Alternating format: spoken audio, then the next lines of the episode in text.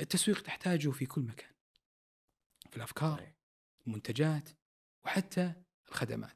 لابد إنك تحتاج إنك كيف تسوق ذاتك. في النهاية بيكون عندك فرص أمامك. طيب هذا جزء من التسويق. يحتاج إن يكون لدينا مجلس أو ما يسمى ب آه، طريقة مختلفة لخدمة الشباب سواء في المنظمة أو حتى خارج المنظمة. أنا أحتاج مجلس الشبابي هذا في النهاية ينقل صوت الشباب إلى رأس الهرم. إلى الرئيس التنفيذي إلى النواب. فمثلا شخص للتو عمل في شركة كبرى ما صار له بالوظيفة سنتين تقريبا. إذا كان عضو في مجلس شبابي ويلتقي بالرئيس التنفيذي المنظمة والنواب هذا بيعطيه بعد مختلف تماما عن البعد الوظيفي اللي يمارسه فيكون مكمل لعمله بشكل يومي. المجالس الشبابيه هي مجالس تخدم الشباب بمفهوم العامل مع الشباب من أجل الشباب.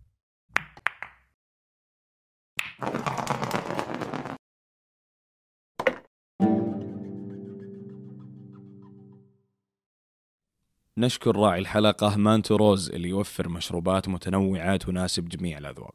نترككم مع الحلقة مشاهدة ممتعة. حياك الله أبو عمر. حياك الله سيف. يا هلا وسهلا. الله يطول لي عمرك. شكرا على تلبية الدعوة. شكرا لكم على الدعوة. ورجعتني للبترول. أي شيء من البترول وأنتم طلاب بترول ما أقدر أقول لا يعني. أبرك الساعات. الله يطول لي. عمرك. آه، أبو عمر آه، ودي نبدأ من التخصص بداية. إحنا كنا نتكلم آه، قبل التصوير وذكرنا موضوع التسويق. ودي تعطينا من البحر هذا حق التسويق. كيف اخترت التخصص؟ ومدى تأثير التخصص التسويق في الجانب التطوعي؟ سؤال جميل سيف. أعتقد التسويق أنا بالنسبة لي جزء من شخصيتي. آه يوم مثلا يوم كنت في الجامعة آه وتخرجت من جامعة البترول التخصصات يمكن دائما طلاب جامعة البترول يميلون إلى التخصصات ال technical يعني أو آه ال engineering تطبيقية. تطبيقية بشكل عام. إحنا دائما نقول في النهاية آه، ال passion أو الرغبة اللي بتحدد الشخص في مجاله في الحياة بتساعده بشكل كثير جدا إذا اختار التخصص المناسب صح التسويق آه، بعضهم ينظر إلى التسويق أنه فقط جانب والله متعلق بالمنتجات أو الخدمات. وهذا يعني آه، جواب ليس كامل، أنا مش أكاديمي، أنا بجاوبك من جواب يعني شخص ممارس بالسوق. التسويق تحتاجه في كل مكان. في الأفكار،. المنتجات وحتى الخدمات. الأشخاص اللي مالين إنهم يكونون مع الناس تلاحظ الجانب ال- ال- ال- الفني أو من ناحية الاتصال يكون عالي جدا. فالتسويق أنت تحتاجه يعني في كل القطاعات وكل كل الكيانات. لما نتكلم والله ذكرت لي عن الجانب التطوعي لابد إنك تحتاج إنك كيف تسوق ذاتك. في النهاية بيكون عندك فرص أمامك. طيب هذا جزء من التسويق. أنا أشوف التسويق أخوي سيف في كل مكان في الحياة حتى في الحياة الشخصية. إذا الإنسان ما عنده تسويق عالي بيكون عنده تحدي شوي صعوبات صعوبات في. بناء العلاقات و... صحيح. وطريقة العمل فأنا التسويق بالنسبة لي أحس جزء من كياني. آه، في النهاية والحمد لله يعني بعد توفيق الله سبحانه وتعالى يعني ما كان عندي حيرة كبيرة جدا بالتخصصات واخترت التخصص عن رغبة وأيضا من ناحية ممارسة. طيب كيف ارتبط أبو عمر تخصص التسويق في موقعك اليوم كرئيس لشباب مجتمعي؟ يمكن آه، أنا ودي أرجع شوية بالذاكرة يمكن أنا ما وصلت إلى يمكن كالمنصب الحالي إلا بعد يمكن تجارب عدة. آه، بقطاعات مختلفة بس يمكن أغلب تجاربي العملية كانت بين آه، يا الاتصال المؤسسي وهو جزء طبعا من التسويق أو إني أكون والله آه، في ال CSR وما يسمى بالمسؤوليه الاجتماعيه أو آه، يعني المجتمع بشكل عام. هذا بحد ذاته جعل مني بعض المهارات اللي بنيتها أثناء فترة الجامعة يمكن تطوعي بال CIM club وكثير من النوادي الموجودة في الجامعة اللي هي لها علاقة بالتسويق خلاني بشكل أكبر انه يكون عندي بعض المهارات اللي ممكن أستفيد منها بسوق العمل. إحنا دائما نقول التسويق هو فن وبنفس الوقت علم وبنفس الوقت مهارات. يعني آه، من التخصصات اللي لابد يكون فيها الحس الفني عالي التسويق. آه، الكاركتر قريب من الفئه المستهدفه نعم لأنك في النهاية. تكون جزء من شخصيتك. صحيح فإذا كان بعض الناس والله عنده معلومات ويعطيك وهذا لكن يفقد الحس ما يقدر يوصل ما يقدر يوصل معلومة مم. أنا ما ادعي إني أقدر أوصل معلومة بشكل كبير جدا إحنا ما زلنا نحاول. لكن هو في النهاية يعطيك آه، آه، أول شيء تعرف الشخص قبل ما إنك تعرف التخصص بعض. التخصصات تحتاج إنك تعرف التخصص قبل ما تعرف الشخص صحيح. أنا ما يهمني والله الكاركتر حق الشخص أو أنا أحتاج إنك تفيدني بهذا الموضوع زي إيه. مثلا التخصصات الطبية أو أو أو التخصصات بعض ال- التخصصات في الهندسة التسويق والإدارة لا في النهاية أنا أشوف الشخص كيف طريقة تعامله معاي كيف شخصيته وأيضا المهارات اللي في النهاية بتقود العمل آه، بشكل صحيح سوري على الإجابة الطويلة هذه. لكن أنا يعني باختصار التسويق هو بحر آه، فن علم وأيضا مهارات. طيب أبو عمر آه، خلينا آه، نتكلم عن الجانب قبل ما تتوجه لل- لل- للقطاع ال- الغير ربحي خلينا نقول. أنت عملت في قطاعين القطاع الخاص والحكومي وبعدين توجهت للقطاع الغير ربحي. صحيح. أنت اشتغلت في شركات كبرى آه، سابك أرامكو. آه، ودي أعرف كيف اختلف العمل في شركات كبرى مثل هذه والعمل في الشركات خلينا نقول الناشئة؟ جميل. آه، الشركات الكبرى هي تكملة لدراستك اللي في الجامعة. أنا دائما أقول يعني فخور إني عملت في أرامكو السعودية وشركة سابك. هي جامعات كبرى. تتعلم منها وتكتسب منها مهارات وتكتسب منها قيم خبرة. وخبرة وتضيف لي آه، يعني البروفايل حقك الوظيفي. آه، يعني ما في طريق واحد. بعض الناس يبدأ يعني بعد تخرجه من الجامعة بالشركات الناشئة. أنا دائما أميل أقول خذ المهارات اللي أنت تحتاجها.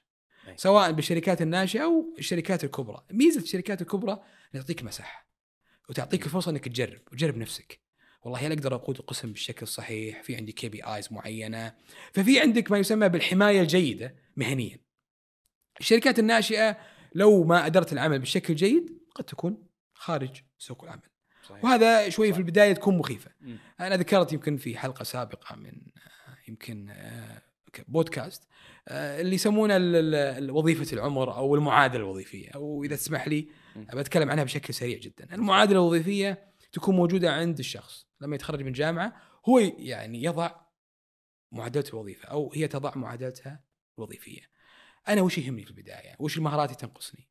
وش المهارات اللي عندي الآن لو تخرجت من الجامعة؟ وبعدها يبدأ يغير من معادلته الوظيفية إلى أن يرتقي سلمه الوظيفي أو سلمها الوظيفي. فإحنا نحتاج للشباب إنه يكون عنده معادلة مبدئية يستطيع من خلالها بعد تخرجه من الجامعة وتخرجه من الجامعة تكون موجودة. أه وأنا دائما أذكرها بشكل بسيط جدا يعني ثلاث دوائر، الدائرة الأولى الباشن أو الشغف.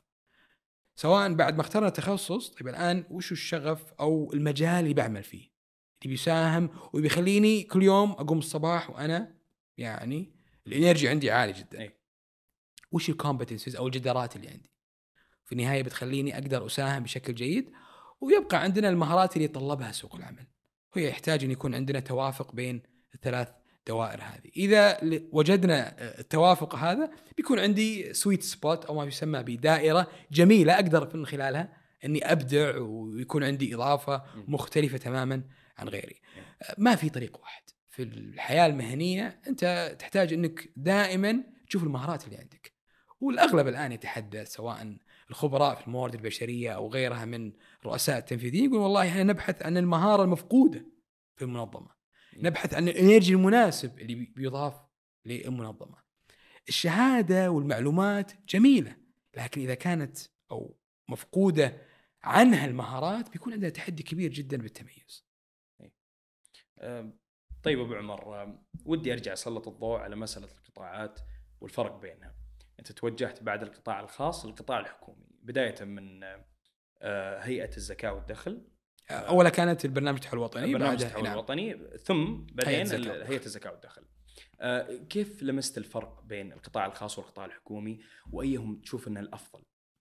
إحنا طبعا آه، أخوي سيف ما نقدر نقول وش الأفضل ال- ال- الوطن أو أو أو في النهاية بشكل عام يحتاج كل القطاعات أن أن تعمل بطريق واحد. إحنا يمكن محظوظين بهذا العصر. آه، رؤية المملكة 2030 بقيادة سمو سيدي ولي العهد. يعني عصر جبار وأيضا بنفس الوقت ذهبي. آه، في فرص كبيرة جدا. آه، كان في السابق الناس مثلا تعمل في القطاع الخاص. مو كثير يتجهون للقطاع الحكومي وبعضهم يعملوا بالقطاع الحكومي. ما يتجه للقطاع الخاص. الآن فرص في كل القطاعات موجودة. نعم. قطاع خاص القطاع الحكومي وأيضا القطاع آه، غير الربحي. نحتاج يكون عندنا مهارة في التركيز وش الطريق اللي أراه أنا مناسب واللي أقدر إني أضيف فيه. القطاع مثلا الحكومي آه، يوم عملت في برنامج التحول الوطني وهيئة الزكاة والدخل تعلمت عن رؤية المملكة 2030 أكثر. تعلمت عن الفرص الموجودة. أضفت للبروفايل حقي بشكل جيد ومحظوظ إني يعني آه، جربت ال ال ال يعني أتكلم الجهتين على اختلافهم. بشكل جيد. آه، طول حياتي يمكن في بداية تخرجي من الجامعة آه، إني عملت في سابك وأرامكو تقريبا مدة ست سنوات سبع سنوات. فخلى عندي صورة معينة للعمل. تحتاج ان تكسرها شوي وتروح إلى. إي قطاع مختلف. القطاع الحكومي تتعلم فيه تتعرف فيه على شخصيات مختلفة وأيضا بنفس الوقت يعني تتعلم أكثر عن رؤيه المملكة 2030 قطاع غير الربحي يمكن بتسألني السؤال آه، القادم عن القطاع إيه. غير الربحي، القطاع غير مقدمة الربحي يعني. هو في النهاية قطاع واعد. وقطاع يعني فيه من الفرص الكثيره جدا. قد بعض الأحيان نختلف في تعريفه أو والله صورة القطاع هذا من الناس اللي يعملون في هذا القطاع، أنا من وجهة نظري متواضعة أن من يعمل في هذا القطاع لابد أن يكون على أعلى كفاءة. وإن شاء الله نكون كذلك. من يعمل في هذا القطاع يحتاج أن يكون لديه ميزة تنافسية، لأن القطاع يحتاج إلى كفاءة أخوي سيف. ما يحتاج إلى والله إن القطاع لا ما يكون والله منتج ومن هذه الأمور، لا لا لا. يعني أحد الأهداف في رؤية المملكة 2030 هو المساهمة يعني بنسبة 5% من الناتج المحلي. في النهاية أنا أحتاج ان القطاع يعمل، يكون له منتجات، يكون له برامج مختلفة. فإجابة بسيطة للسؤال عن القطاع غير ربحي هو قطاع واعد والفرص اللي فيه يعني جدا ضخمة مع القطاعات الأخرى طبعا. بس ليش انتقلت للقطاع ال- الغير ربحي؟ هل الاستفادة من هذه الفرص ولا في شيء معين لمسته في هذا القطاع خلاك تترك القطاع الخاص والحكومي وتتوجه للقطاع الغير ربحي؟ ما يميز أخوي سيف القطاع غير الربحي إنه ممكن إنك تشتغل في عملك 18 ساعة 19 ساعة وما تحس بتعب. لأن في النهاية أنت ترى أثر وإن شاء الله يكون كذلك أثر عظيم قاعد تضيفه للقطاع والكيان اللي أنت تمثله. ما ودي أقارن صراحة بس لو إني اشتغلت مثلا بشركة تجارية بحتة. ال KPI اللي عندك ربح وخسارة بس. ال KPI في القطاع غير ربحي أثر والأثر ما تحصله في يوم وليلة تحتاج سنوات. صحيح والوصولية في القطاع غير الربحي كبيرة جدا. أنت قد تصل إلى مدينة كاملة ببرنامج تقدمه للمجتمع. طبعا النية اللي بيحكمها الله سبحانه وتعالى. فحنا يمكن القطاع مسماه قطاع غير ربحي بدل قطاع مثلا بعض الجهات تسميه قطاع خيري أو ايا يكن. ماني خبير إني أقول لك والله وش ال- الفرق بين المفردتين بس أنا أقول القطاع غير ربحي هو قطاع يحتاجه الوطن يحتاج أن يضاف للاقتصاد الوطني ويحتاج أن يكون لدينا منتجات اجتماعية تصل للاسره تصل للمجتمع وتصل إن شاء الله إلى يعني بقية المدن والوطن بشكل عام. إحنا نحتاج في القطاع غير الربحي كفاءات، نحتاج أفكار جديدة، نحتاج أيضا كيانات مختلفة. القطاع غير الربحي يمكن بعض الناس يشوفه بس من زاوية الجمعيات. ويعني نرسل رسالة شكر لكل الجمعيات اللي موجودة في مملكتنا الحبيبة يعملوا بشكل جيد لكن أيضا القطاع ترى يحتوي على جمعيات يحتوي على شركات غير ربحية الآن مع القانون الجديد مع وزارة التجارة يحتوي على شركات وقفية مثل الشركة اللي يقودها شركة شباب المجتمع الوقفية. الكيانات لابد أن تكون مختلفة لأجل أن القطاع ينمو ويزدهر. أبو عمر أنا ودي نتعمق في القطاع الغير ربحي سم. أه، ودي يعني نزيل الاستفهام اللي موجود عند الناس وعندي أنا أه، عن القطاع الغير ربحي إيش اللي أقصده لما أقول قطاع غير ربحي أو مثل ما تكلمنا قبل التصوير قلنا إن قرار يكون من مجلس الإدارة صحيح. أه، لما نيجي مجلس الإدارة ويقول حولنا هذه الشركة أو هذا الكيان إلى كيان غير ربحي إيش معنات ال- ال- الكلمة هذه تحديدا جميل جدا. إحنا أخوي سيف نحتاج أول شيء أن ننظر إلى استراتيجية الكيان. جميل ما هي الطرق المثلى لخدمة استراتيجية الكيان نفسه؟ لو أقول مثلا شباب مجتمعي وأحلل شباب مجتمعي والأهداف الاستراتيجية شباب مجتمعي بناء على الأهداف الاستراتيجية والاستراتيجية أنا أبني الحوكمة المناسبة. يعني جميل. يعني أقول والله أنا أحتاج مثلا إذا تسمح لي شباب مجتمعي آه، الهدف الأسمى لها هو المساهمة في زيادة إنتاجية الشباب الاقتصادية والاجتماعية وحتى الفردية. وننظر إلى الانتاجيه بنظرة شمولية. هل الهدف هذا بالإمكان أنه يتحقق إذا كان الكيان تجاري؟ هل الهدف هذا بالإمكان أنه يتحقق إذا كان الكيان غير ربحي؟ هل الهدف هذا ممكن يتحقق إذا كان الكيان وقفي هذا السؤال يسأل ل يمكن مجلس الإدارة للأشخاص اللي يعملون في الكيان وفي النهاية يأتي الجواب المناسب. تحويل آه، أو طريقة الحوكمة لابد أن يخدم استراتيجية المكان. يعني من الصعب إني أقول والله أنا أحتاج إني أخدم الكيان فقط من زاوية واحدة أو من زاوية تجارية. هذا يعني كلام غير منطقي وغير عملي. إيه. القطاع غير الربحي إيش يحتاج؟ يحتاج إلى كيانات مختلفة. الأهم من هذا كله السؤال دائما يقول يعتمد على استراتيجية المكان أو الكيان عفوا. إذا كان استراتيجية الكيان تخدمه آه، انه يكون وقفي اذا نستمر بالحوكمة الوقفية. إذا الكيان يخدمه والله اني اكون غير ربحي اذا استمر آه، بموضوع الغير ربحي وهكذا. إذا نقدر نقول إنها آلية لتحقيق أهداف المنظمة. يا سلام عليك. طيب ذكرت إنه في قطاع طبعا هذا فهمي أخوي سيف من تجربة متواضعة. طبعا جميل. قطاع غير ربحي قطاع واعد وتلاحظ فيه مفردات آه، يعني مختلفة. الاهم من هذا كله إن هل الكيان يعمل؟ هل لدي هل لدى الكيان منتجات على أرض الواقع؟ هل يصل إلى السوق وأيضا يصل إلى المجتمع؟ إذا جاوبنا الأسئلة هذه نكون في طريق يعني ممتاز.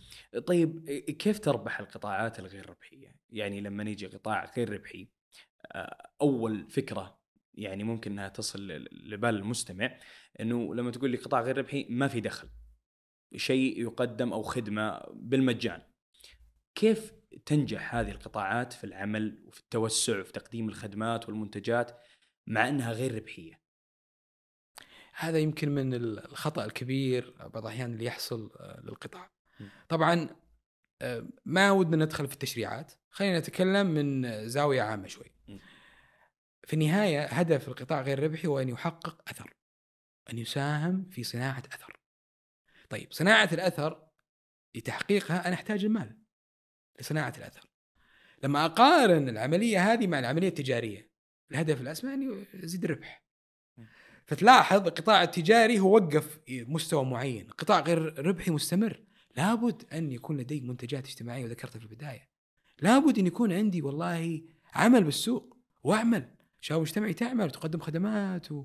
وشركة استشارية عليا للشباب. فنعمل ونعمل مع جهات نفخر بالعمل معها. ففي النهاية أنا قاعد أقدم خدمات. الخدمات هذه فيها مال وفيها مقابل. لكن الهم اللي عندنا طيب الخدمات هذه هل هي متماشية مع استراتيجيتنا؟ هل البرامج اللي أنا قاعد أقدمها وآخذ عليها مثلا مبالغ معينة هل جودتها عالية؟ بالعكس يقال إن إذا الكيان تحول إلى غير ربحي الجودة تزيد والعمل يكون احترافي أكثر لأن في النهاية الناس اللي يعملون بهذا القطاع يعملون من قلب. وشغف يعني الإنرجي عندهم عالي جدا زي ما ذكرت لك 18 ساعة 19 ساعة في اليوم. فهو في النهاية يكون شغوف جدا ويحاول أن يقدم أفضل ما لديه لأجل أن يكون بإذن الله يساهم في الأثر. إحنا عندنا أمثلة في المنطقة. شباب مجتمعي مثلا آه، شركة وقفية. وأنا فخور يمكن شباب مجتمعي مدعومة من شركة تركي قابضة وبعض الشركاء في المنطقة ويمكن أعضاء في مجلس الإدارة آه، يعني آه، مشكورين على هذا الدعم. بالإضافة عندنا مثلا مثال آخر مدارس الظهران مثلا. شركة وقفية أيضا يعني التركي أنشأ المدارس من سنوات. الكيانات قد تكون مختلفة. هو الطموح أن يكون لدي منتجات على أعلى مستوى وبنفس الوقت أحقق الأثر اللي في النهاية يصنع الاستراتيجية بشكلها آه، الجيد. خطأ كبير جدا إني أقول أنا أعمل في قطاع غير ربحي قد مثلا ما أخذ راتب مجزي أو إني ما أقدم خدمات بمبالغ هذا خطأ كبير جدا يعني آه، عن القطاع ليس صحيح. جميل. طيب أبو عمر كيف تشوف القطاع الغير ربحي اليوم عندنا في المملكه؟ إلى أي مدى وصل وهل هو متقدم بما يكفي إنه يتوسع ويحقق أهداف الرؤية ولا بعد؟ أنا زي ما ذكرت لك أخوي سيف القطاع واعد وما زال يمكن مركز القطاع غير الربحي يقدم تشريعات مميزة وزارة الموارد البشرية تعمل بشكل جيد مختلف القطاعات قاعد تساهم في هذا القطاع الوعي عند القطاع الخاص زاد بالفترة الأخيرة سواء بمفهوم المسؤوليه الاجتماعيه أو ما يسمى بالريادة الاجتماعية. آه، نتكلم أيضا عن بعض ال- ال- ال- التشريعات الجديدة اللي قاعد الآن آه، بشكل يومي وأسبوعي قاعد تصدر. رؤية المملكة 2030 بالهدف اللي ذكرناه المساهمة في الاقتصاد الوطني بنسبة 5% كل هذه الأمور قاعدة تقول إن القطاع واعد جدا. والآن أغلب الشركات الكبرى في العالم قاعدة تتحول من التسويق البحت إلى انه يكون عندني والله تسويق اجتماعي. آه يمكن إحنا قبل التصوير ذكرنا مثالين. هل أسوي دعاية بقيمه مثلا الحين ينزلون علينا قنوات الدعاية والإعلان؟ و 100000 مثلا؟ ولا والله ابني لي مركز اجتماعي بنفس القيمة؟ وش الفائدة الكبرى اللي بتحصلها المنظمة أو الكيان؟ إذا كان يعني قطاع تجاري.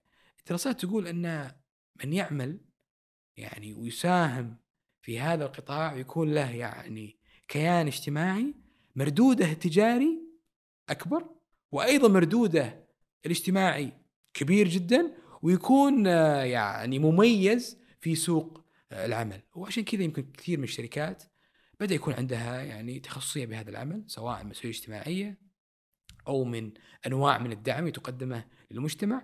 بعضها لهدف قد يكون تجاري وهذا بالعكس ما في أي عيب. وبعضها يكون يعني هدف مجتمعي شغف في مجال معين ورغبة بإضافة يعني مختلفة تماما آه، آه، آه، في المجتمع بشكل عام. أنا دائما أقول القطاع واحد وقطاع غير ربحي يحتاج إلى كيانات مختلفة والقطاع الخاص يحتاج أيضا أن يزيد اهتمامه بهذا القطاع. القطاع غير ربحي مش فقط يعني تصنيفات معينة ترى في يعني أفكار مختلفة. إذا تسمح لي ودي أتكلم عن آه، يمكن شباب مجتمعي، شباب مجتمعي آه، كانت مبادرة ضمن مبادرات المسؤوليه الاجتماعيه في شركة تركي القابضه 2017. الحمد لله كانت مبادرة مميزة تدعم الشباب. تحولت المبادرة هذه الآن إلى شركة وقفية مدعومة من التركي وبعض آه، الكيانات والتجار في المنطقة. الهدف الأسمى للشباب المجتمعي هو المساهمه في زيادة انتاجيه الشباب اقتصادية واجتماعية وحتى الفردية. آه، شباب مجتمعي وجودها كشركة وقفية تدعم الكيانات الأخرى الشبابية. فحنا نسمي أنفسنا دائما business to business. في ال- ال- الموديل الأعمال أو. أو أو ال business model في عندك شيء business to customers وفي شيء اسمه business to business. فاحنا نخدم الكيانات الأخرى من جمعيات شبابية ومن آه، كيانات شبابية ومجالس شبابية وبعض الجهات اللي في النهاية تدعم الشباب فاحنا نقدم لهم محتوى مناسب نقدم لهم مهنة احترافية ونقدم لهم أيضا أبحاث ودراسات وتقارير تساهم في عملهم لإنشاء أيضا والاستمرارية في خدمة الشباب بشكل عام. فإحنا يعني نخدم آه، ال- ال- الفئات تخدم الشباب عن طريق مفهومين. مفهوم أول يطلق عليه العامل مع الشباب فاحتاج أن يكون لدي سفراء يكونون يعني نظراء للشباب. المفهوم الثاني يحتاج أن يكون خطابي مع الشباب أو تواصلي مع الشباب بمفهوم التنمية الشبابية الإيجابية. وهو أنا أرى أن الشباب طاقة وثروة حقيقية وإن شاء الله يكونون يعني مساهمين في الوطن والتنمية فأنظر لهم نظرة شمولية بدل أن أنظر لهم من زاوية معينة. أنا آسف دخلت شوية في محاور مختلفة لكن آه هذه فكرة لبعض النماذج الموجودة في آه القطاع يعني غير الربحي وفي عندنا نماذج أخرى يعني موجودة في المنطقة وأيضا في الوطن وهذا شيء يعني بالعكس نفخر فيه وزي ما ذكرنا هو قطاع يعني ينمو يوما بعد يوم. أبو عمر ودي أستوقفك عند كم نقطة كذا من اللي ذكرتها مسألة ال- ال- مجال المسؤولية المجتمعية وش هو مجال المسؤولية المجتمعية تحديدا وليش أغلب الشركات قاعد تميل لهذا المجال هو مجال آه، يعني مهم جدا أول شيء لسمعه الكيان نفسه. إذا الكيان يحقق أرباح عالية جدا ولا يساهم بالمجتمع المجتمع نفسه بعض الأحيان قد ما ينظر للكيان هذا بنظرة قد لا تكون جيدة. آه، النقطة الثانية والمهمة جدا آه، يعني المسؤولية الاجتماعية لابد أيضا أن تكون متوافقة مع التشريعات ومع آه، البرامج الوطنية ففي برامج وطنية موجودة في يعني تشريعات موجودة أنا أحتاج كقطاع خاص أن أساهم في الاستثمار فيها الأمر الثالث ويمكن زي ما ذكرت في الأمثلة أنه هو في النهاية يضيف للمنظمة ويضيف للمجتمع ويضيف للاقتصاد الوطني بشكل عام في بعض الأفكار وبعض المنتجات قد ما تكون موجودة في المنتجات التجارية، أنا أحتاج أميل شوي إلى منتجات اجتماعية. فمثلا يعني آه، المنتجات التجارية إذا آه، يعني افتقدت إلى الحس الاجتماعي قد الاستمرارية أو ما يسمى بالاستدامة ما تكون موجودة. يكون في مفهوم أيضا موجود يعني يتكلمون عن الاستدامة. الاستدامة آه، في الأفكار والمنتجات وحتى البرامج وحتى في الكيان نفسه. آه، شركة زي ماكدونالدز مثلا آه، يقال إنها قبل ما تبني الفرع أو تفكر بالفرع آه، تفكر حول الفرع.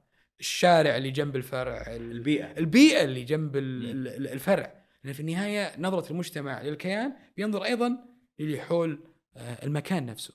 فالمسؤوليه الاجتماعية يمكن إن صحت المعلومات بناء على قراءاتي البسيطة. هو اتحاد سابق حدث بين الإدارة والتسويق وخرج من الاتحاد هذا ما يسمى بالمسؤولية الاجتماعية. آه، تغير من نظرة الكيان أنه يكون منخرط أكثر اجتماعيا وأيضا يساهم في الاقتصاد الوطني وأيضا الاجتماعي بشكل احترافي ويضع مردود. آه، هو قاعد يحصل ربح الآن من آه، من عمله فايضا يعني يساهم اجتماعيا بمردود وأفكار مختلفة. طيب أبو عمر آه، إلى أي مدى تعتقد آه، يعني أهمية وجود الشركات الوقفية اليوم عندنا في المملكة ومدى تأثيرها على الاقتصاد؟ كيف تؤثر على الاقتصاد الشركات الوقفية اليوم؟ أخوي سيف هذا يمكن سؤال نحتاج إلى دراسة عشان نجاوب. السؤال هذا. إيه. لكن آه، بمفهوم واسع إحنا نحتاج إلى تنوع زي ما ذكرت بالكيانات في القطاع غير الربحي. ما يحتاج القطاع غير الربحي مثلا يكون فقط عندنا جمعيات، جمعيات تؤدي دور معين. أنا أحتاج يكون أيضا لدي شركات وقفية وأيضا يكون لدي شركات آه، غير ربحية، الشركات الوقفيه قد تكون مثلا آه، م- نوع بوقف رأس مال الشركة أو وقف بالعمليات. عندنا مثلا آه، آه، إن صح التعبير آه، آه، بعض الأمثلة اللي في الشركات آه، تعمل فيها بمنظور مختلف. أمثلة عالمية مثلا شركة زي روز رايز آه، هارفارد آه، آه، من الجامعات آه، في عندنا أمثلة عالمية هي وقفية ترى أمثلة محلية شركة آه، الدواجن أعتقد الوطنية تبع الراجحي أيضا شركة وقفية هذا بناء على معلوماتي البسيطة وما زالت يمكن هيئة أوقاف تعمل بشكل جيد لحصر آه، يمكن الشركات وأيضا العمل بطريقة صحيحة. يمكن هيئة اوقاف هم الجهة المعنية اللي يجاوبون على السؤال هذا بشكل دقيق. من نظرتي أنا كممارس وك يعني قيادتي لشركة شباب مجتمعي إحنا نحتاج الشركات الوقفية لأنها قاعد تضيف بطريقة مختلفة في القطاع غير الربحي. آه، نسمع اليوم مصطلحات أبو عمر مثل التسويق المجتمعي وريادة الأعمال المجتمعية. آه، كيف تختلف هذه المصطلحات عن التسويق المتعارف عليه وعن ريادة الأعمال المتعارف عليها اليوم؟ جميل. آه، الرواد ككلمة إحنا نحتاجهم في كل مكان. نحتاجهم في المنظمات. آه، أنا دائما أشبه رائد الأعمال أو الرو أو كلمة آه، يعني الرواد شخص يعني يشيل الشعلة. آه، أو رائد الأعمال أو يسمونه رائد فضاء. تخصصك له علاقة بطيران الفضاء ها؟ وضحت الفكرة يسمونه رائد يعني يروح من كوكب إلى كوكب. نفس الشيء أنا في يعني الأمور الاجتماعية أحتاج رواد اجتماعيين أشخاص يشيلون الشعلة ويحملون يعني أهداف سامية رواد من ناحية تجارية أيضا أنا أحتاج رواد من ناحية تجارية. آه، في مصطلح أيضا آه، يسمونهم رواد داخل المنظمات. أنا أحتاجهم. يغيروا من آه، أفكار الشركات أو المنظمات بأفكار جديدة وبرامج جديدة. فكلمة رائد أو رواد أنا أحتاجهم في كل جوانب الحياة المهنية وحتى ممكن جوانب الحياة آه، ال- الاجتماعية وأيضا الخاصة. رائد ككلمة قد تعني مفردات أو قد تعني تعريفات مختلفة. أنا أحتاج الرواد في كل مكان. الرواد الاجتماعيين نحتاج لافكار جديدة. قد بعض الأحيان يكون عندنا أفكار شوي قديمة. آه، ما ودي أعطي بعض الأمثلة. لكن آه، أعتقد آه، يعني التعريف هذا يعطينا إلى أمثلة جديدة. مسك مشكورة قاعد تؤدي دور رائع جدا بإضافة أفكار جديدة بالسوق للعمل الاجتماعي وأيضا دعم الشباب صحيح. وكثير من الجوانب المختلفة. أنا أحتاج أيضا كذلك من الجمعيات واحتاج كذلك من الشركات الوقفية والشركات غير الربحية. بعض الأفكار اللي في النهاية متعارف عليها في القطاع غير الربحي ما أقول انه والله نتخلى عنها لا بالعكس أنا أحتاج إني يكون لدي رائد اجتماعي جديد يضيف لبعض الأفكار القديمة وأيضا يأتي بأفكار جديدة. التسويق الاجتماعي من اسمه هو متعلق بالمجتمع. أنا أحتاج أن أخرج بمنتجات اجتماعية. قد ما تكون محسوسة. قد ما تكون يعني يعني قلم ولا جوال ولا لا لا لا. يعني منتج يكون معاك موجود بس ما هو ملموس. لكن تستفيد منه. أثره موجود عندك. وبنفس الوقت يحتاجه المجتمع ويغطي فجوة موجودة. آه هذا باختصار شديد يعني الفرق دائما نقول بين التسويق الاجتماعي والرواد يعني آه، الاجتماعيين. طيب آه، خلينا ننتقل الآن لشباب مجتمعي. آه، أبو عمر ودي يعني تعطينا فكرة كذا ونبذة عن شباب مجتمعي، وش هو شباب مجتمعي؟ يمكن مثل ما ذكرت شباب مجتمعي هي شركة متخصصة لدعم الشباب. أخوي سيف يمكن إذا تسمح لي فيه أربع طرق تقريبا آه، للتعامل مع الشباب بشكل عام عالميا. الطريق الأول يطلق عليه طريق التشكيل وهو أن أنظر للشاب بشكل معين سواء أنا كنت قائد في منظمة سواء أنا كنت آه، آه، يعني محتك مع الشاب عامل مع الشباب أنظر له بشكل معين وهذا طريق ليس كامل. الطريق الثاني ما يسمى بالخدمات الرفاهية. أن يقدم كل ما يحتاجه الشاب من ناحية يعني أدوات ترفيه. وخدمات وترفيه. بس ما أعطيه النظرة الشمولية قد أحتاجه طريق هذا في جزء معين بس في عندنا طريق آخر الطريق الثالث هو يعني أسوأ واحد يعني من الطرق للتعامل مع الشباب هو إن أنظر للشاب إنه مشكلة. فأنظر إنه واحد شاب أو بيجيب لي مشاكل وأنا أحتاج ان يكون عندي أدوات أو ايا يكن من ال- الأمور وهذه نظرة ليست كاملة. النظرة الرابعة أو الطريق الرابع هي التنمية الشبابية الإيجابية. هو ان أنظر للشاب أنهم طاقة وثروة حقيقية وأهميتهم في التنمية والإنتاجية عالية جدا. يمكن سمو سيدي ولي في أكثر من محفل وبعض يمكن يعني الجمل من سمو سيدي ولي العهد أن ذكر ان الشباب هم فخر البلاد وضمان مستقبلها بعون الله. فرؤية المملكة يعني جزء كبير من الشباب هم من رؤية المملكة 2030. الشباب ثروة حقيقية، أخوي سيف المملكة تعيش بما يسمى بالهبة الديموغرافية. مقارنة ببعض الدول. التوزيع العمري التوزيع العمري يا سلام عليك أغلب شعب المملكة من فئة الشباب ترى هذه ثروة آه، ويعني شيء شيء بالإمكان أن نستفيد منه اجتماعيا واقتصاديا وكثير من هذه الأمور. وأنا كعامل مع الشباب أو أقدم خدمات تكون مع الشباب أحتاج أن أقدم المنصات الجيده بودكاست آه، آه، بيئة آمنة وداعمة وإيجابية زي مبنى شباب مجتمعي. آه، أقدم برامج اللي يعملون مع الشباب. وهذا جانب مهم جدا أخوي سيف. اللي يعملون مع الشباب. السؤال الأهم يعني منذ انطلاقة شباب مجتمعي كان ماذا يريد من يعمل مع الشباب؟ الجواب الأوحد كان محتوى متخصص. أنا أتعامل مع الشباب كجمعية شبابية أو ك أو ككيان موجود عندي نسبة عالية من الشباب. أنا أحتاج أدوات. هو عليه سلوغان إنه هو عامل مع الشباب أو يخدم الشباب. فأنا أحاول قدر المستطاع أن أخرج أطباء يتعاملوا مع مختلف إذا قلنا يعني من غير شر بعض الأمراض البسيطة وبعض التحديات اللي يواجهها الشباب لأجل انها تعالج بالشكل الجيد. فإجابة بسيطة عن شباب مجتمعي هو كيان يساهم في زيادة إنتاجية الشباب أهدافه الاستراتيجية مهنة العمل الشبابي يكون عندنا محتوى متخصص بالإمكان أن نلجأ له بالتعامل مع الشباب ومجتمع شمولي ويعني واحترافي يكون العامل مع الشباب والشباب تحت سقف واحد. جميل جميل طيب أنا راح أتطرق لموضوع ال- العامل مع الشباب هذا لكن ودي أتدرج في شباب مجتمعي صراحة آه عندي سؤال هنا عن آه تعاونكم مع الهيئة السعودية للمواصفات والمقاييس والجودة آه ودي أطرحه وبعدين ننتقل للعامل مع الشباب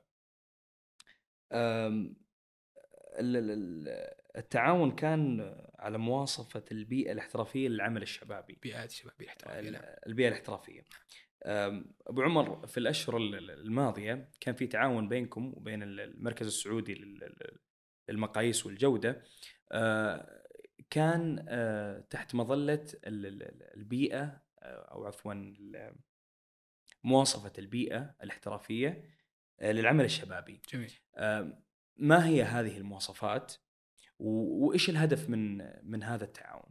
جميل آه، أخوي سيف قبل تقريبا آه، سنتين آه، كان فيه آه، آه، مبادرة مشتركة آه، أثناء النسخة الأولى لمنتدى العاملين مع الشباب. أعتقد قبل يعني آه، قبل سنتين. آه، بس سنتين بدأ العمل بشكل يعني حقيقي. الفكرة كانت من منذ الانطلاق من شباب مجتمعي إن يكون عندنا مفروض مواصفة. آه، ودي أشرحها يعني آه، بعد ما أذكر كيف كانت الفكرة. المواصفة كان بمبادرة مشتركة بين شباب مجتمعي وبين هيئة السعودية للمواصفات والمقاييس أثناء منتدى العاملين مع الشباب نسخته الأولى. كانت الفكرة أن يكون لدينا مواصفة دقيقة للبيئات الشبابية، إحنا عندنا مسميات مختلفة. نادي شبابي، آه، كيان شبابي، آه، مكان أو حاضنة شبابية. السؤال المهم هل فيه مواصفة دقيقة تشرح كيف يكون شكل البيئة؟ كيف آه، ندعم الشباب أو من يعمل مع الشباب في هذه البيئة؟ فكان في فريق مشترك بين الجهتين وشكل فريق تقني بإشراف أيضا يعني من وزارة الموارد البشرية وبيعني أيضا عمل وقيادة من هيئة السعودية لمواصفات المقاييس وأيضا آه، فريق من شباب مجتمعي خرجنا بمواصفة واحتفلنا بتدشينها يمكن قبل كم شهر ودي أقدم شكري لهيئة السعودية لمواصفات المقاييس على دعمهم وأيضا يعني تبنيهم الفكرة اللي في النهاية خرجنا بمواصفة الآن لو تدخل موقع الهيئة تلاقي مواصفة مكتوبة ودقيقة جدا تشرح كيف يكون عندك بيئة شبابية احترافية. البيئات الشبابية قد تكون شوية تطوعيه يعني ما هي مائله إلى الاحتراف. إحنا نحتاج نزيد الليفل شوي ويكون عندنا مواصفة دقيقة، المبنى كيف المدخل يكون، آه، كيف آه، نوعية البرامج المقدمة، آه، طريقة العمل مع الشباب ترى يعني لها جانب كبير جدا وبحر. فحنا حاولنا نلخصها بهذه المواصفة لأجل أن مبنى زي شباب مجتمعي اسمه مآب وموجود يعني صحيح آه، في آه، بوابة تركي للاعمال لأجل أن في النهاية يكون عندي شكل لمبنى شبابي. وإن شاء الله الفكرة هاي تكون في جميع مدن مملكتنا الحبيبة وكل الكيانات اللي عندها كيانات مشابهة شبابية بالإمكان أنها تقرأ المواصفة تتعاون مع شباب مجتمعي وهي السعودية مواصفات مقاييس لأجل أن يكونون مدربين ويكون عندهم الاعتماد. أنا والله المكان اللي أنا عندي يدعم الشباب هو في النهاية مطبق عليه هذه المواصفة. هي المواصفه الأوحد يمكن أعتقد عالميا. آه، إحنا استقينا بعض الأفكار العالمية من دول مختلفة بس كانت مميزة آه، يعني في مملكتنا الحبيبة لأجل أن يكون لدينا معيار وطني. نلجأ إليه متى ما دعت الحاجة ومتى ما لدينا استثمار بالعمل الشبابي. كيف يتم وضع أبو عمر هذه هذه المواصفة؟ آه، كيف تحدد؟ كيف يكون المدخل؟ كيف يكون شكل المبنى؟ بناء على إيش؟ هو طبعا آه، بناء على آه، يمكن في فريق فني شكل من الجهتين ما أدعي إني خبير بهذا الأمر لكن من جانب يعني ممارسة لهذا العمل وإشراف إحنا نحتاج إن يكون لدينا يعني جوانب عدة احتاج إن نغطيها. آه، يمكن أضيف جانب جديد بحكم إن الفكرة كانت شوية يعني قبل كم سنة إيه. وجتنا جائحة كورونا.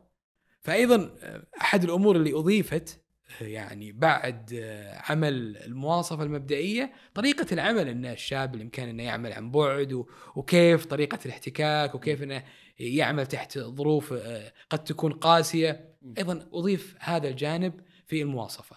المواصفة يمكن بشكل آه، يعني مختصر يحتاج إن آه، الجهة تفهمها بشكل جيد، فيه برنامج تدريبي مصاحب لهذه المواصفة وفي النهاية يعني بعض الجهات تتبنى تطبيقها وأيضا إن شاء الله اعتمادها. الأهم من هذا كله أخوي سيف انه يكون لدينا كيانات احترافية. قد مثلا الجهة ما يكون عندها اعتماد بس يكون عندها مبنى معني بدعم الشباب.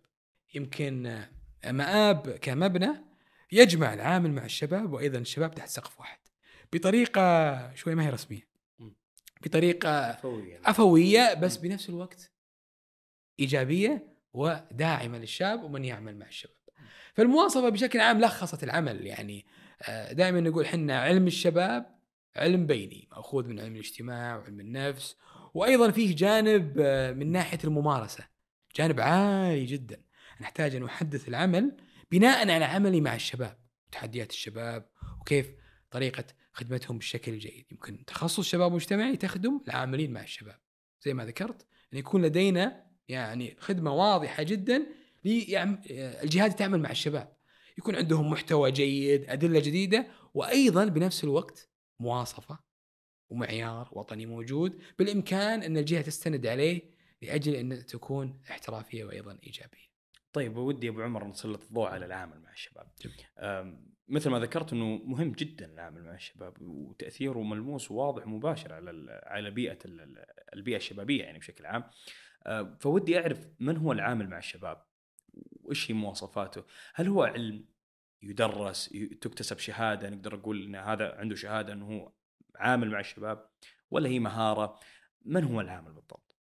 العامل مع الشباب أخوي سيف هو كل شخص يعمل مع الشباب بشكل مباشر فقط سواء كان من قطاع حكومي أو قطاع خاص أو حتى قطاع غير ربحي.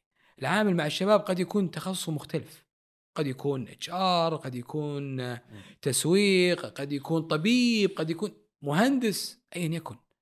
لكن اكتشفنا من ناحية العمل أن من يعمل مع الشباب بشكل مباشر يحتاج إلى محتوى فريد وتخصصي.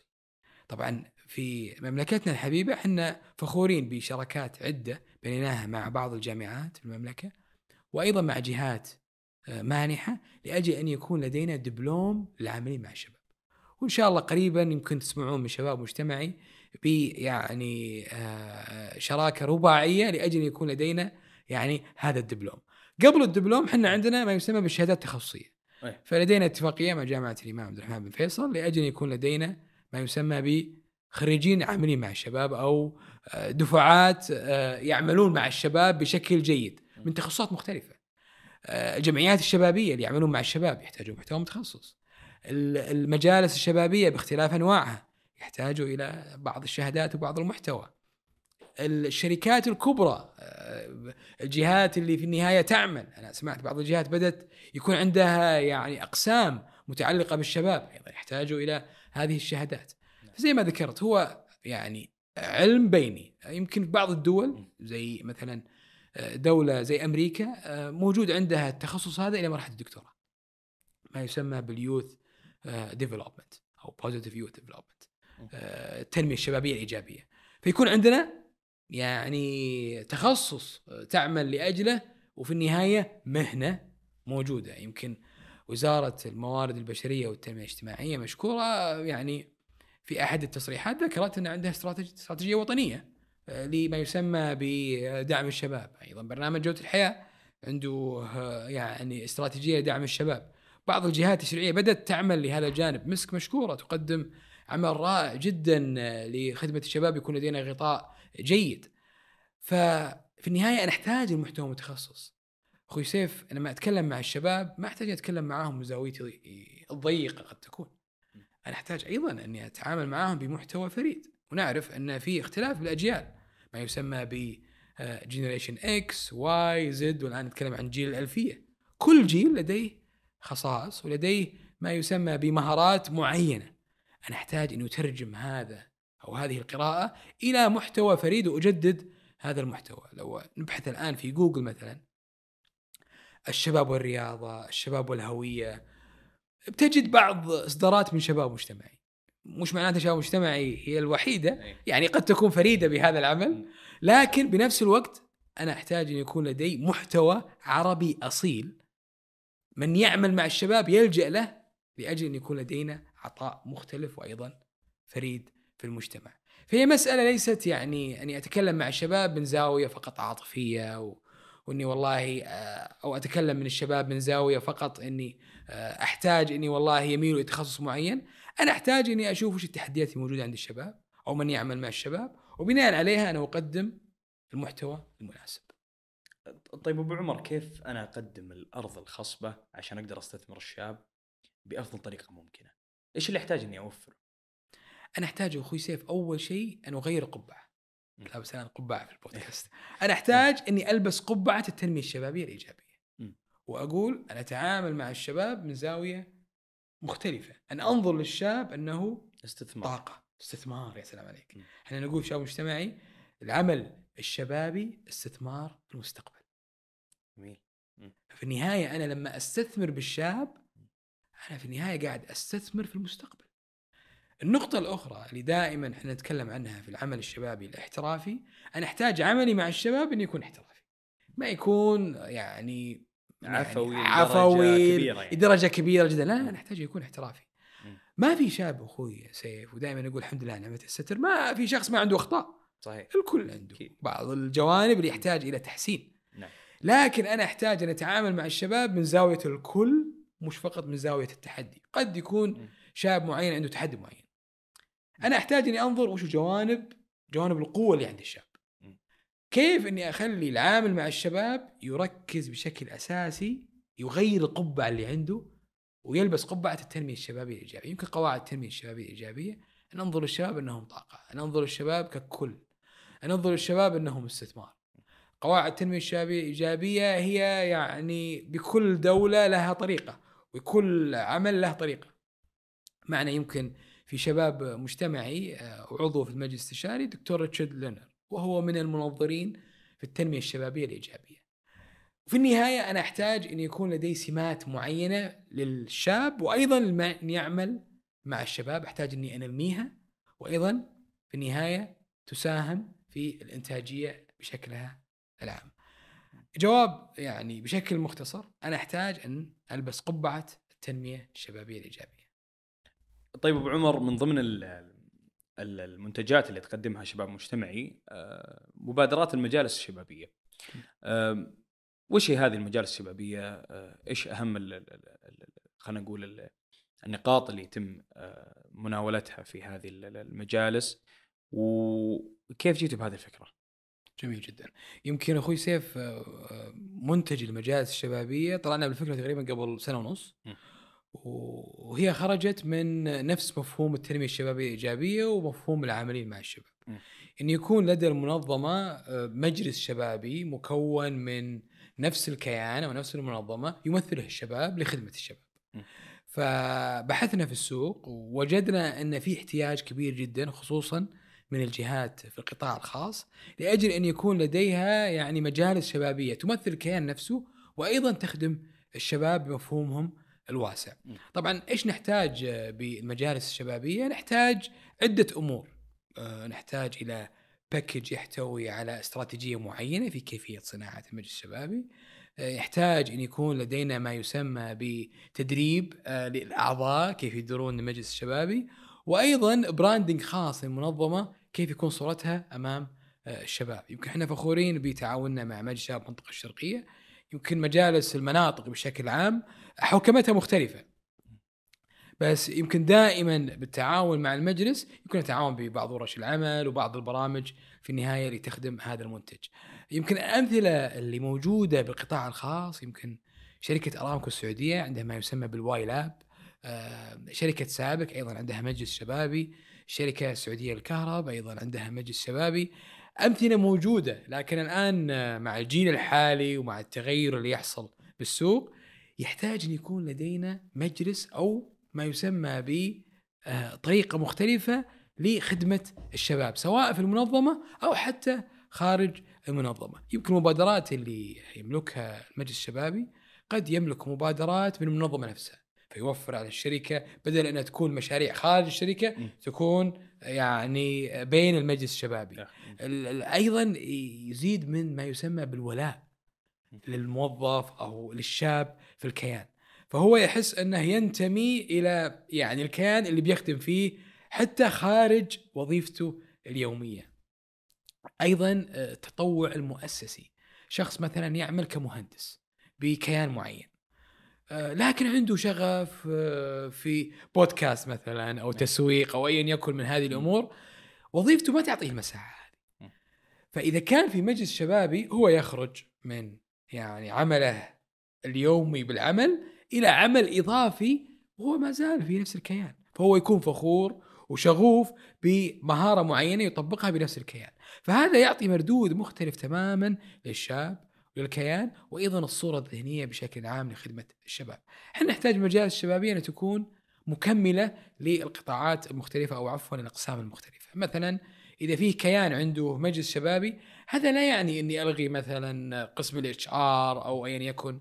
أنا أحتاج مجلس شبابي هذا في النهاية ينقل صوت الشباب إلى رأس الهرم إلى الرئيس التنفيذي إلى النواب. فمثلا شخص للتو عمل في شركة كبرى ما صار له بالوظيفة سنتين تقريبا.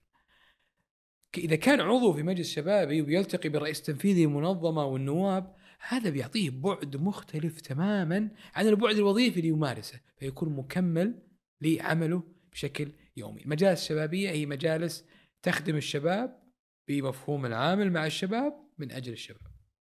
جميل. وش هي حاضنة مآب أبو عمر؟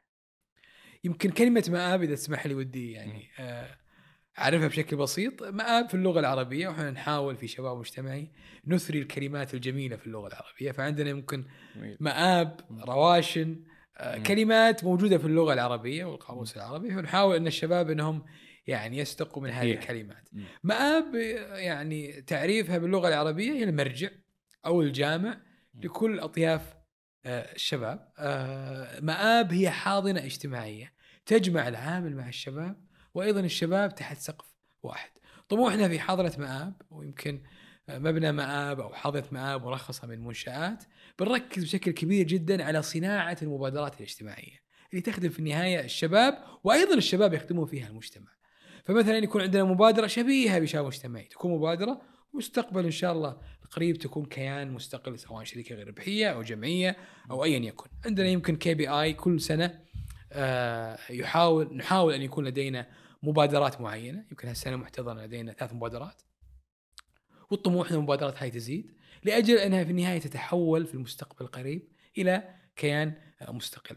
الهدف من حاضره مآب انها يعني معمل تجارب آه، للشباب، معمل تجارب آه، في بيئة آمنة وداعمة وإيجابية. يستطيع الشاب أو العامل مع الشباب أن يخرج من بوتقة العمل ويدخل للحاضنة هذه لأجل مبادرة معينة هو يحلم أنها تكون جزء من المجتمع من زاوية شبابية ويحتاجها المجتمع في وقت واحد يمكن مبنانا آه، يعني بسيط لكن الطموح اللي فيه والمكتبة اللي موجودة في مآب ويمكن ال ال ال الأفراد اللي موجودين ويعملون كعاملين مع الشباب يثري العمل بشكل مختلف تماما. جميل جميل. طيب أبو عمر ودي أسألك عن التطوع المؤسسي في الشركات. وش هو التطوع المؤسسي في الشركات؟ وش هي آليته؟ وش هو مفهومه أصلا؟ جميل. يمكن ذكرنا منتج مجالس الشبابية. أحد فوائد المجالس الشبابية أخوي سيف انه يعطي فرصة للموظف إذا كان من زاوية معينة إنه يخرج من الزاوية هذه ويجرب شغلة أخرى بس بطريقة احترافية. التطوع المؤسسي هو من نفس مفهوم التطوع بشكله العام. يعني آه، يحتاج الموظف أن يزيد من نسبة العطاء اللي يقدمه للمنظمة. إذا كان محصور من زاوية معينة بوظيفته ما يستطيع أن يعني يتعدى العمل هذا بأكثر من 100%، بيصل 100% ويقف. طيب كيف بالإمكان أن يكون موظف يعطي الكيان 120% 130% ويتعدى هذه هذه النسبة إذا كان عندنا عمل بشكل دقيق جدا وفرصة أن الموظف يعني آه، يعطي أفكار للمنظمة. إحنا ذكرنا يمكن في بداية آه، آه، النقاش عن الرواد. طيب كيف يكون رائد أعمال داخل المنظمة عن طريق التطوع المؤسسي؟ يقال أن جوجل مثلا كشركة عندها مساحة أن الموظف 30 20% من وقته أو وقتها يكون خارج وظيفته اليومية اللي في النهاية هو متفق عليها. فإحنا نحتاج أن يكون مثلا شخص يعمل بال HR ممكن يساهم ب آه، مسؤوليه اجتماعية أو التسويق أو ايا يكن.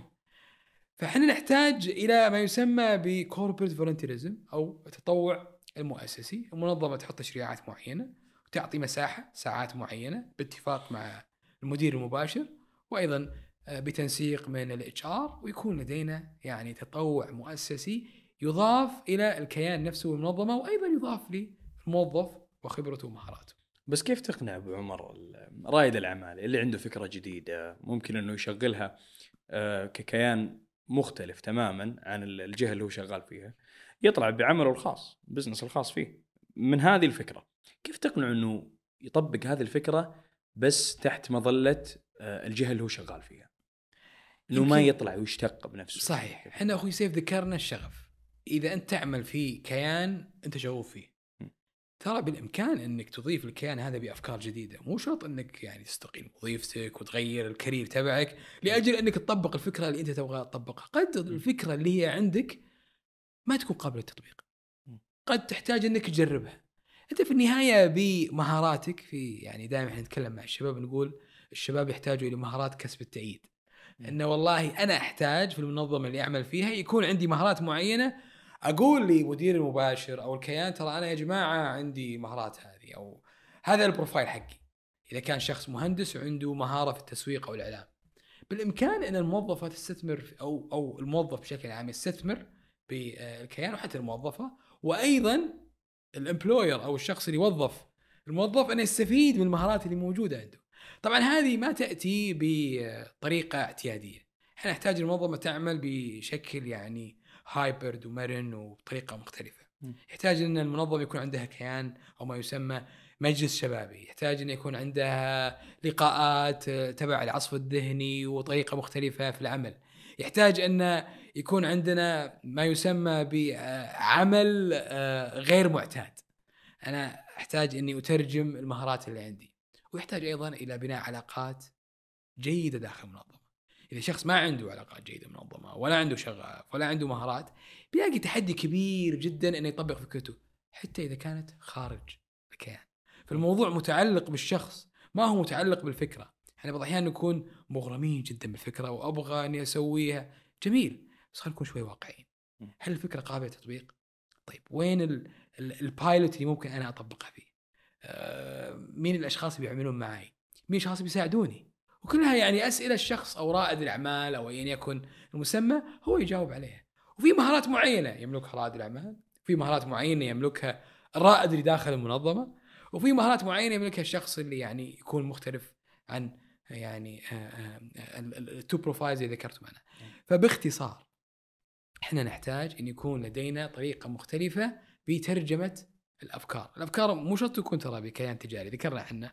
قد الأفكار تكون فقط في قطاع غير ربحي، ما ما نعلم. هو بناء على طريقة تطبيق الفكرة. جميل. آه خليني أرجع للاتصال المؤسسي أبو عمر. أنت عملت في الاتصال المؤسسي مع عدة شركات. آه وش هو دور الاتصال المؤسسي تحديدا؟